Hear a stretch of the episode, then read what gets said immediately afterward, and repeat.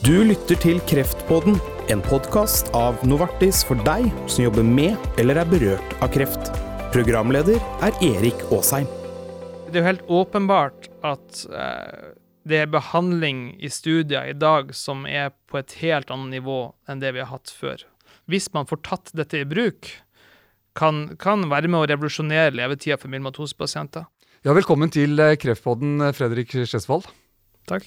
Du er overlege ved Aleris eh, kreftsenter eh, og fagansvarlig eh, for da dette kreftsenterets tilbud til pasienter med myelomatose, altså benmargskreft. Eh, og du er også grunnlegger og leder for Oslos da, myelomatosesenter ved Oslo universitetssykehus. Og la oss begynne litt der, dette senteret.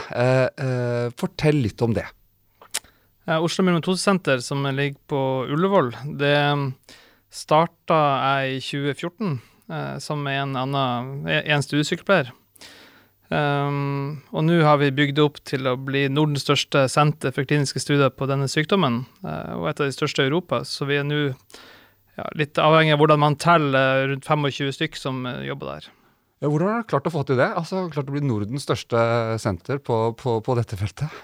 Nei, vi har klart det Det er mange årsaker til det, men, men en av grunnene har vært at uh, avdelingslederen på hematologisk avdeling uh, har latt meg få jobb uh, dedikert til det å bygge opp kliniske studier, istedenfor at kliniske studier er noe man gjør på siden av sin vanlige rutinejobb.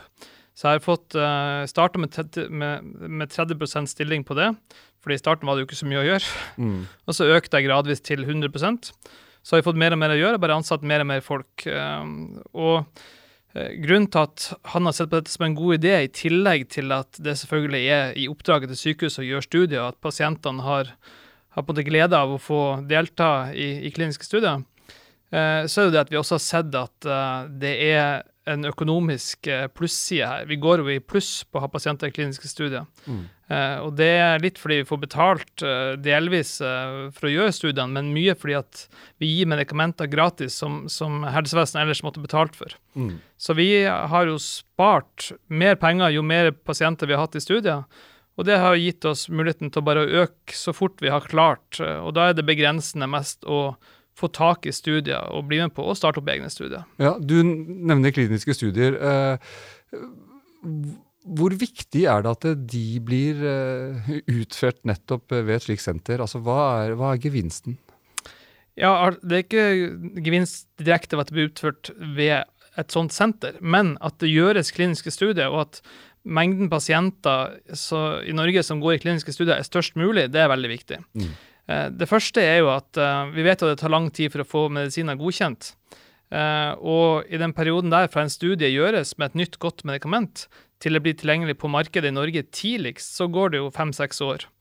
Uh, og selv da er det jo ofte at vi får nei fra Beslutningsforum. Så, så muligheten til å få den beste behandlinga er stort sett alltid i kliniske studier. Mm. Og Hvis vi da ikke har kliniske studier i Norge i noe særlig grad, så får jo ikke pasientene den beste behandlinga, og vil jo tape på det.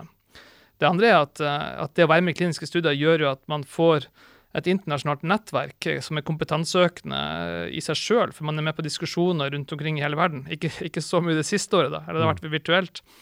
Um, og man deltar på en måte i det internasjonale miljøet og er mye mer kompetent og oppdatert på hva som foregår. Det andre er jo at eh, personalet på, på avdelinga blir jo kompetent på nye medisiner før de er på markedet.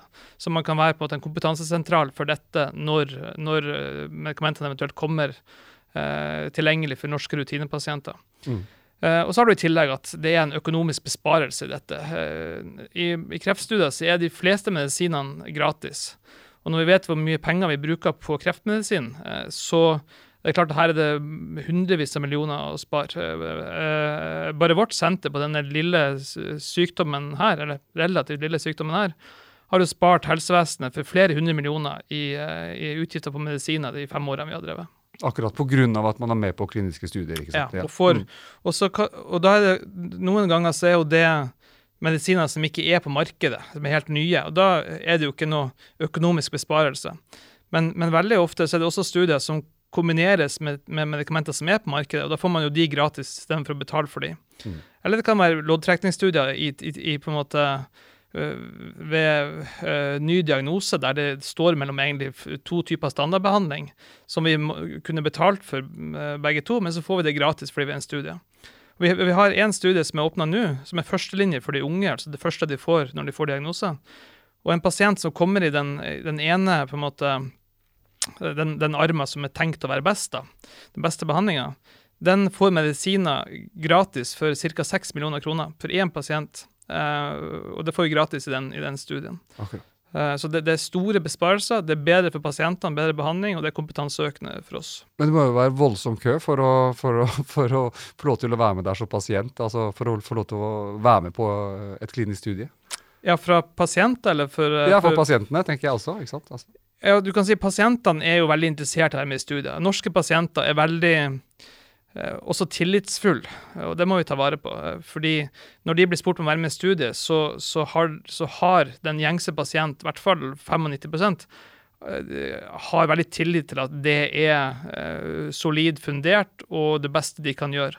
Mens du ser pasienter i USA f.eks. er mye mer skeptiske til å være med i studier. Mm og vil være mye mer sånn Nei, jeg må på en måte finne ut sjøl hva som er den beste behandlinga, og kjøpe det et annet sted. Mm. Mens her er, vi, er, det veldig tillitsfulle pasienter. Og det syns jeg med god grunn eh, at de er. Men det er jo en risiko knytta til det òg, å være med på, på, på, kliniske studier?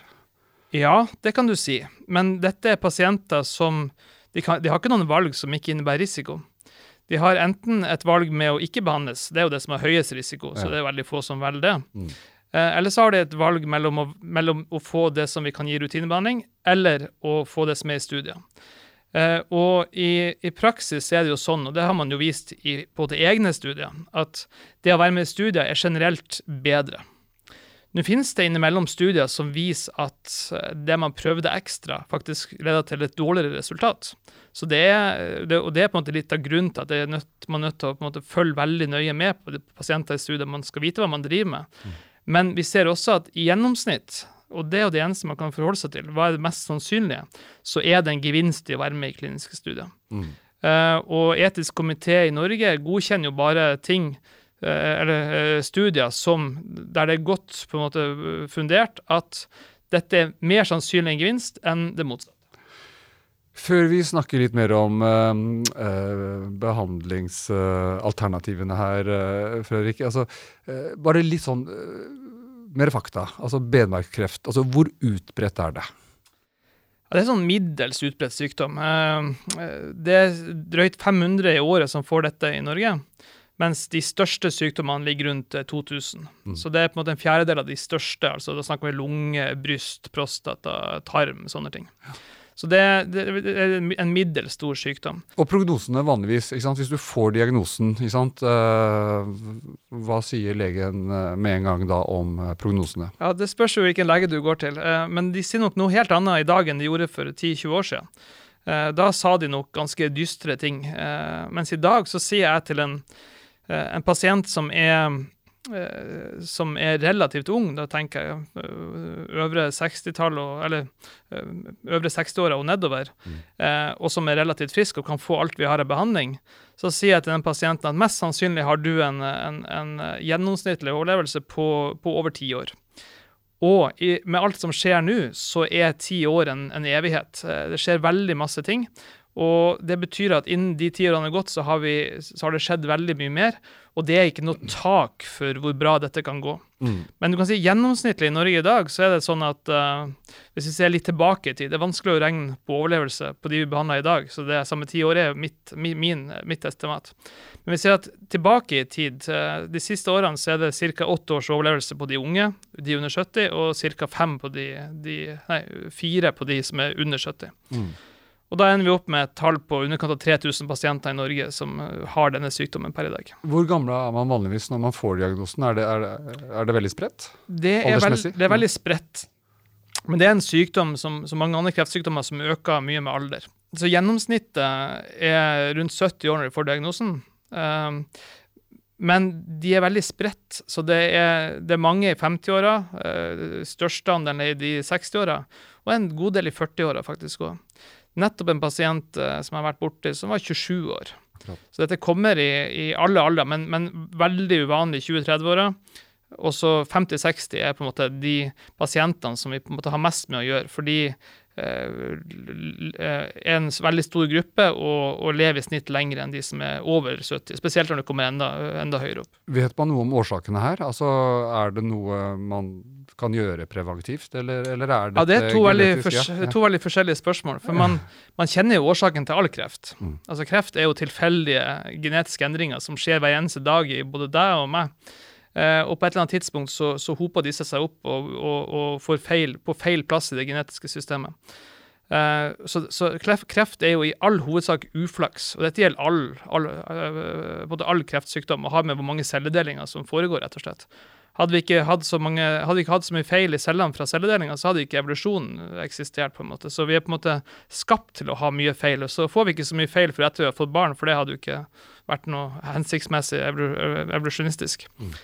Men eh, når man spør om ting som gir kreft eh, som vi vet om, i tillegg til denne uflaksfaktoren, som er den aller største for all kreftsykdom, så er det veldig lite kjent som myelomatose. Det er ikke mange store risikofaktorer her.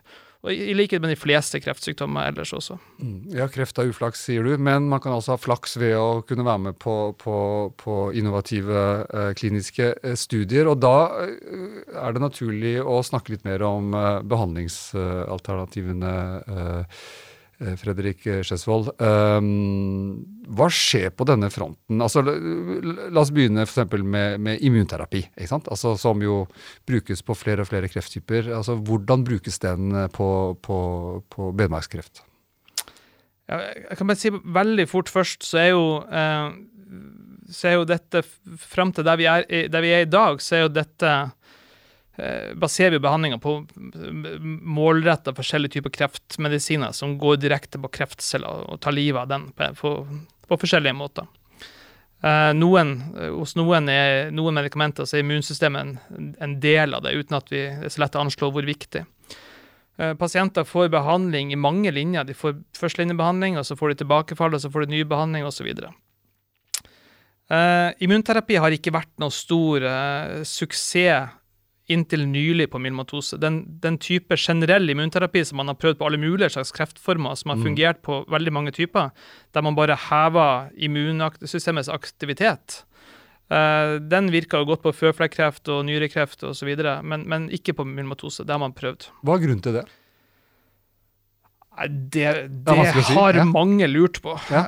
Uh, og jeg har ikke noe godt svar, egentlig. Mm. Men likevel så men, er men, det Men du kan si, du kan si eh, det som eh, Hvis du skal bare heve immunsystemets aktivitet eh, generelt, og håpe at eh, det ligger en, en, latent immunreaksjon mot kreften, eh, så vil det jo være noen, noen eh, sykdommer som har flere på en måte angrepspunkter for, eh, for eh, immunsystemet enn andre. Vi vet at føflekkreft, som er kanskje den største suksessen for immunterapi, eh, det er den, den, krefttypen som har, blant de krefttypene som har flest mutasjoner, altså flest endringer i genetisk materiale, så det ligger mer til rette kanskje for en reaksjon der. Mm. Men i hvert fall så har man gått videre fra dette prinsippet og gjort uh, immunterapi, eller lagd immunterapiprinsipper som er mye mer spesifikk. Istedenfor å bare gi en, en, en, generell aktivering av immunstemmen og håpe at det ligger en slags immunreaksjon som kan få litt plass til å virke, mm. så har man lagd immunterapi som er helt målretta mot myelomatosecellene. Eh, og det er delt i eh, to prinsipper, egentlig. Det ene er det som vi, som vi kaller CAR-T. Uh, og det andre er noe som man kaller BITE, eller bispesifikke antistoffer. Hei, jeg heter Anita Fredriksen. Og jeg er Anita Henriksen. Så fint at du lytter til Kreftpodden. Denne podkasten er et initiativ fra Novartis for å fremme kunnskapsdeling og faglige diskusjoner innen fagfeltet onkologi. Den er ment for deg som jobber med eller er berørt av kreft. Vi spiller stadig inn nye episoder for å kunne utvikle podkasten med dagsaktuelle tematikker. Følg med og abonner på Kreftpodden, så blir du varslet når det kommer nye episoder. La oss snakke litt om CAR-T-behandlingen. Eh, det, det, har fått mye oppmerksomhet eh, de siste årene. Det ble jo eh, Av den amerikanske onkologiforeningen så ble jo det i vel 2018 kåret til årets store gjennombrudd på, på, på behandlingsfronten. Um, og, og, og, i oktober 2020 så, så, så jeg at dere uh, ga CAR-T-behandling til, til, til den første pasienten på, på, på dette senteret, uh, som vi snakket om tidligere, eh, Fredrik. Hvordan gikk det? Altså, hvordan, hvor, hvordan skjedde det? Nei, du kan si um, CAR-T har jo vært kjent uh, en god stund nå. Og det var først aktuelt for akutt leukemi. Og der var en pasient som fire år gammel i, Philadelphia fikk, fikk dette for ti år siden. eh, I en helt håpløs situasjon. Alt var prøvd. Hun var første pasienten i verden som fikk CAR-T noen gang. Eh, hun levde en dag i dag og ble kurert av den, den, den CAR-T. Eh, CAR-T er altså at du, du tar T-celler, en form for immunceller hos, eh, hos pasienten, tar de ut eh, via, via blodet, og så sender du det til en lab. og denne, nå er det sånn at T-celler kan angripe eh, celler i kroppen som er f.eks. virusinfisert, eller eh, sånne ting. Uh, men her uh, endrer man dem. Man tar de ut av kroppen, inn i laben, og gir dem et, et på en måte overflate uh, som, som kjenner igjen kreftcellene direkte. Og så settes de tilbake i, i kroppen til pasienten, og så går de til angrep på, på den krefttypen du har. da. Så den, den, den behandling som er spesiallagd, ikke bare for eh, en krefttype, men også for en, en enkelt kreftpasient. Eh, så kom dette for noen år siden i myelomatose også, og er vel eh, da den tredje sykdommen der dette har hatt en viss suksess nå, etter eh, lymfekreft og, og leukemi. Ehm, så var jo det eh, de, de første dataene kom for eh, to-tre år siden. Uh, og da så det jo ut som pasientene ble kurert umiddelbart, selv om de hadde prøvd alt av behandling tidligere. Med litt lengre oppfølging så så man at det var ikke tilfellet ved myelomatose. De fikk fortsatt tilbakefall. Men okay. Mm. etter et ca. et års tid hadde halvparten fått tilbakefall. Vi ser disse dataene har nå økt til 15 måneder i gjennomsnitt. Um, men dette var pasienter som hadde fått veldig veldig mye behandling fra før. Var helt ut, eh, eller gjennombehandla. Um, så det man gjør nå, det er å teste ut dette prinsippet i pasienter som er mye tidligere i behandlinga, som ikke er så dårlige, som ikke har fått så mye behandling, og som kanskje ikke har så sinte kreftceller som de gjerne har, de som har fått veldig mye behandling. Og da snakker vi også om at det kanskje er den første behandlingen de får, eller? eller Nei. nei. Så de bør, ha, Ikke- vil ha noe først? Ja. Ja, du kan si eh, Hvis vi snakker om studien vi er med på, um, så er den eh, fra to til fire tidligere behandlinger. Uh, så det er ikke helt først og ikke helt sist. En sånn mellomting. Ja. Det pågår også studier både i førstelinjebehandling for de med pasientene med mest aggressiv sykdom, og eh, i første tilbakefall. Så det, det pågår veldig mange studier. Vi ble sist kontakta av et annet firma i går som ønska å ha oss med på en annen studie, som er for så vidt litt lignende den vi har nå. Så dette har du kjempetro på? Du kan si eh, det er den beste behandlinga uh, vi har sett. Uh, men i de der resultatene er klare, så var det ikke noe kurasjon. Så jeg tror vi bare har sett starten på det. Det ene er jo at man kan jo håpe at dette blir mye bedre i tidligere linjer, men det vet vi ikke. Det har vi ikke noe eh, ja, data på enda. Eh, Det andre er at man kan, det man gjør i den behandlinga som man har gjort allerede, er at man gir disse cellene én gang, og så gjør man ingenting mer. Mm. Eh, I all annen behandling ved myelomatose så gir man jo behandling kontinuerlig så lenge det virker, så lenge du tåler det. Eh, så det, det, det kan godt hende at dette kommer til å endre senere, at man kanskje må gi det igjen etter et halvår, f.eks. Um, og kanskje man skal fortsette å gi det hvert halvår. Uh, det kan hende man skal kombinere det med andre ting for å sørge for at de cellene holder seg mest mulig aktivert. Så det er på en måte veier man kan gå for å gjøre dette enda bedre. Mm. Uh, så man kan enten på en måte gi det tidligere, men det vet vi ikke om, om blir, hvor mye bedre det blir. At det blir bedre, det regner vi for så vidt med. Uh, all behandling, all, all annen behandling blir jo alltid bedre når vi gir det tidligere. Mm. Men om det, om det løser løs problemet vårt, det er fortsatt usikkert. Men for å få bedre resultater, altså tenker du da at vi må, at man må liksom Altså karakterbehandling, det er, det er jo en måte gen- og celleterapi, ikke sant? Behandling. Eh, altså tenker du, må man endre behand, altså innholdet i, i, i CAR-T-behandlingen, eller er det mer at man må, må, må tenke mer uh, hva skal man uh, gjøre samtidig, og, og, hvor tidlig i sykdomsforløpet altså Skjønner du? Ikke sant? Er, ja, liksom, tror det er CAR-T, er, er den liksom laget og finnes der, eller skal den også utvikles videre? Ja, nei, Det er et godt spørsmål. fordi nå snakker vi som, om CAR-T som om det er det samme. Ja, ikke sant? Men det er det jo ikke. Uh, det fins det, det, det proteinet du setter inn i, gjør, det er for det første at det kjenner igjen kreftceller. Uh, det er det ene. Og det andre er at den aktiverer den T-cella som har dette på overflaten. Og begge deler kan man gjøre uh, på forskjellige måter. Nå, Inntil videre så har de fleste CAR-T ved, ved myelomatose gjenkjent det samme proteinet på kreftceller. Men det har det siste året kommet studier på der man gir CAR-T som kjenner igjen to ting på kreftceller samtidig. Uh, at, du, at, du, kjenner igjen både ett protein og et annet protein. og Da er det kanskje vanskelig for kreftceller å komme seg unna. Uh, du kan også gi to forskjellige CAR-T samtidig. Så det, det, det er CAR-T mot mange proteiner på, på myelomatosecellene som, um, som er under utforskning. Og det andre er at det er eh, på innsida av cella, der det proteinet gir signaler til en celle om, om, å aktivere seg, så kan man gjøre det mer eh, man kan gjøre det sterkere enn man gjør det i dag. Mm. Så cella blir kraftigere aktivert. Og også kan få celler til å skille ut eh, signalstoffer, sånn at andre celler i nærheten også aktiveres. Og lage en sterkere på en måte, betennelsesreaksjon. Mm. Så det, det, er mange måter å utvikle CAR-T mm. på. Så vi har på en måte vi har egentlig oppnådd de beste resultatene vi har sett av noe medikament per i dag, med en, en på en behandling som er fortsatt ganske uh, tidlig i sin utvikling. Mm. Så jeg tror uh, at det kommer til å skje veldig mye i akkurat selve produktet, og hvordan dette gis. eller hvordan dette ser ut. Nå skal det sies at det som er minus med CAR-T, og det er et relativt stort minus, det er at uh, dette er ganske, en ganske tung logistisk og medisinsk øvelse i den enkelte pasient. Fordi du må få høsta eh, de riktige cellene, og det må kunne gjøres eh, rundt omkring. Du kan ikke bare gjøre det noen få steder i Europa og USA. Det må liksom være, Hvis det skal bli en vanlig behandling, så må det kunne gjøres mange steder. Så må de sendes, og de må overleve shippinga og sånt. Og så må de være i laben, og så må man få til å lage cellene sånn som de skal så må de komme tilbake. og Denne prosessen tar et par måneder.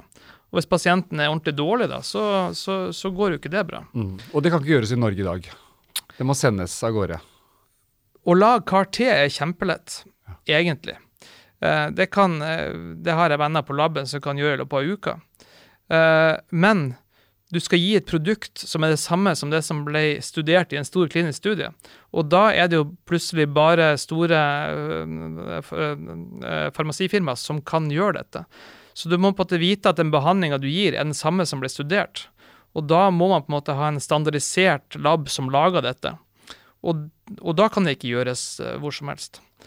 Men da har du det andre alternativet, som er det, det nevnte som heter bispesifikke antistoffer.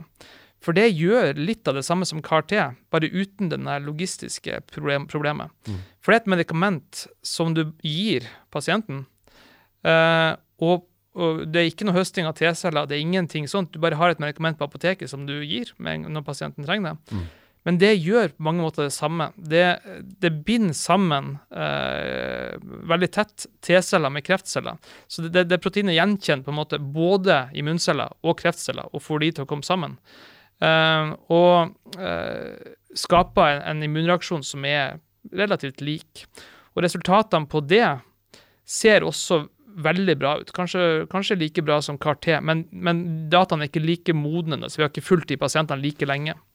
Ja, så er det jo da tilgangen til dette. ikke sant? I dag så er det jo da bare gjennom kliniske studier som, som, som man kan få denne behandlingen om, om, om man har benmargskreft. ikke sant? For dette er jo ikke godkjent noe sted uh, i verden enda, ikke sant? Men hvor fort skjer det, tror du? Altså, Hva, hva er ditt håp der? Vi har jo noe som heter Beslutningsforum i Norge, som, som tar disse beslutningene. Ja. Nå har de ikke vurdert det ennå, men, men, men, hva tror du? Um Først så tror jeg at det kommer til å bli godkjent i Europa og USA i løpet av de kommende to-tre månedene, tror jeg. Så raskt. Ja, altså den medisinske godkjenninga. I løpet av våren eh, ja, i 2021, løpet, altså. I løpet av våren, for markedsføring. Eh, så vil det jo bli en, eh, en vurdering av om Norge har råd til dette. Eh, og den eh, den vet jeg jo ikke hva vil si i den, uh, men vi har ikke fått godkjent noe av det vi hadde lyst til så langt. Nei, Så- altså Beslutningsforum har jo sagt nei til å bruke denne, denne behandlingsformen overfor andre, andre Ja. krefttyper. ikke sant? De har sagt, de har sagt og de, de- har, de har respondert litt i tråd med Beslutningsforum. De har sin, sine vaner, eller sånn som det ser ut i hvert fall. De har godkjent det for akutt leukemi i unge pasienter. Og det er veldig få pasienter. Det er kanskje én i året i Norge. Så da var det ikke så vanskelig å godkjenne det. Og så har de sagt nei til det i lymfekreft, der, som er en ganske stor pasientgruppe. 20-50 kanskje. ikke sant? Ja. Ja, Ja. og jeg tror myelomatose er en enda større gruppe. ja. Så indikasjon for Eller de, det vil være veldig mange pasienter som er aktuelle for dette ved myelomatose. Og jeg tror hvis dette blir godkjent ved myelomatose, man kan jo håpe Det som er det som på en måte er fordelen, er at det er litt mindre komplisert å regne på. Fordi de lager jo økonomiske kalkyler. Kost- Kost-nytte, Ja. ikke sant? Og vanligvis så må jo de ekstrapolere hvor lenge de tror vi skal behandle med det som er nytt, da, for å beregne prisen. Men CAR-T er jo bare ett et skudd, skal jeg til å si. Du, du får det én dag, og så er det ikke noe mer behandling. Så utgiftene er jo mye lettere å, å, å regne på, og det kan jo være på en måte forhåpentligvis eh, være et pluss, da. Men det hjalp ikke på lymfekreft. De fikk jo ikke godkjent det, i motsetning til de fleste andre land i Europa. Um, ja, så Vi får bare krysse fingrene for at, eh, at det blir en avgjørelse på det. Nå er jo Problemet også Beslutningsforumet at vi har jo av de tolv de tolv behandlingene vi venter på avgjørelse på, de har jo i gjennomsnitt uh, vært i behandling i to år, i 24 måneder. Så det, tar jo tid å få svar, det er også litt frustrerende. Mm. Men, men det gjør det jo desto viktigere med å, å, å være med i kliniske studier. Så vi har jo nå fem pasienter som får dette i den ene kliniske studien, og så har vi Kanskje får vi, får vi med flere der etter hvert, og så har vi eh, en annen studie som er, som er kanskje på vei til Norge. Mm. La oss se litt inn i krystallkulen her, Fredrik, eh, på myelomatosefeltet. Altså, hvordan tror du det utviklingen går? Du, du sier det skjer mye på ti år. ikke sant? Eh, Hva vil skje de neste ti årene, tror du?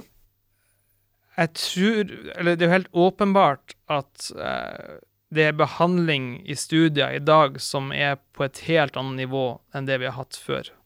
Vi har hatt behandling som har vært mye bedre enn det vi hadde før det igjen. Men hvis du sammenligner med det nye som kommer nå, så er det en helt annen dimensjon over det. Så, så jeg tror jo resultatene, hvis man får tatt dette i bruk, kan, kan være med å revolusjonere levetida for myelomatosepasienter.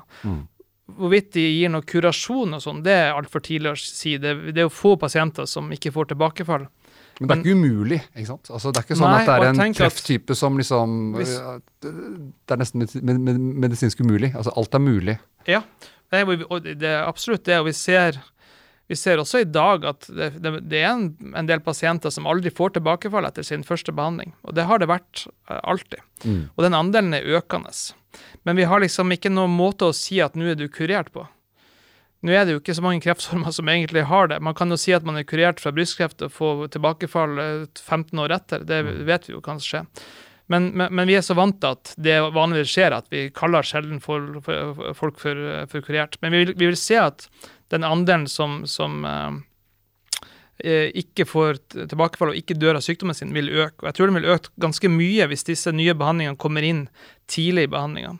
Jeg tror muligheten for at disse nye behandlingene skal gi kur, altså kurasjon, den er mest til stede hvis du har en snill sykdom. Så da må, du, da må du så tidlig som mulig inn i behandlingsforløpet. Og kanskje, kanskje på et tidspunkt før det vi faktisk behandler pasienter i dag. For i dag så følger vi jo pasienter med et forstadium til dette til de utvikler sykdommen. Og det er kanskje noe vi kommer til å slutte med i framtida, at vi faktisk starter behandling på et tidspunkt som der vi i dag bare ville venta og sett, og kurere folk i den situasjonen før de på en måte har fått kreft, for å kalle det på den, si det på den måten. Tre ting å ta med seg fra denne samtalen. Da vil jeg først si at uh, viktigheten av kliniske studier for norske pasienter og norsk helsevesen er veldig vanskelig å overvurdere. Det er- det er en veldig viktig sak som heldigvis regjeringa nå har lagd en handlingsplan for. Uh, det andre det er at utsiktene for bedring av resultatene ved denne krefttypen uh, har aldri vært så bra som de er nå. De nye behandlingene som vi har i kliniske studier nå, er veldig mye bedre enn noe vi har hatt før. Det tredje er at eh, det er et problem med tilgang på de beste behandlingene i, i Norge. Jeg håper at den uh, uh, utredninga som skal gjøres av Beslutningsforums uh, funksjon, gjør en god jobb, og det regner jeg med. Det er mye solide folk der. Ja, Takk for at du kom til eh, Kreftpodden, Fredrik Skjesvold. Du er eh, altså leder for Oslo myelomatosesenter ved Oslo universitetssykehus. Jeg heter Erik Aasheim. Vi høres i Kreftpodden.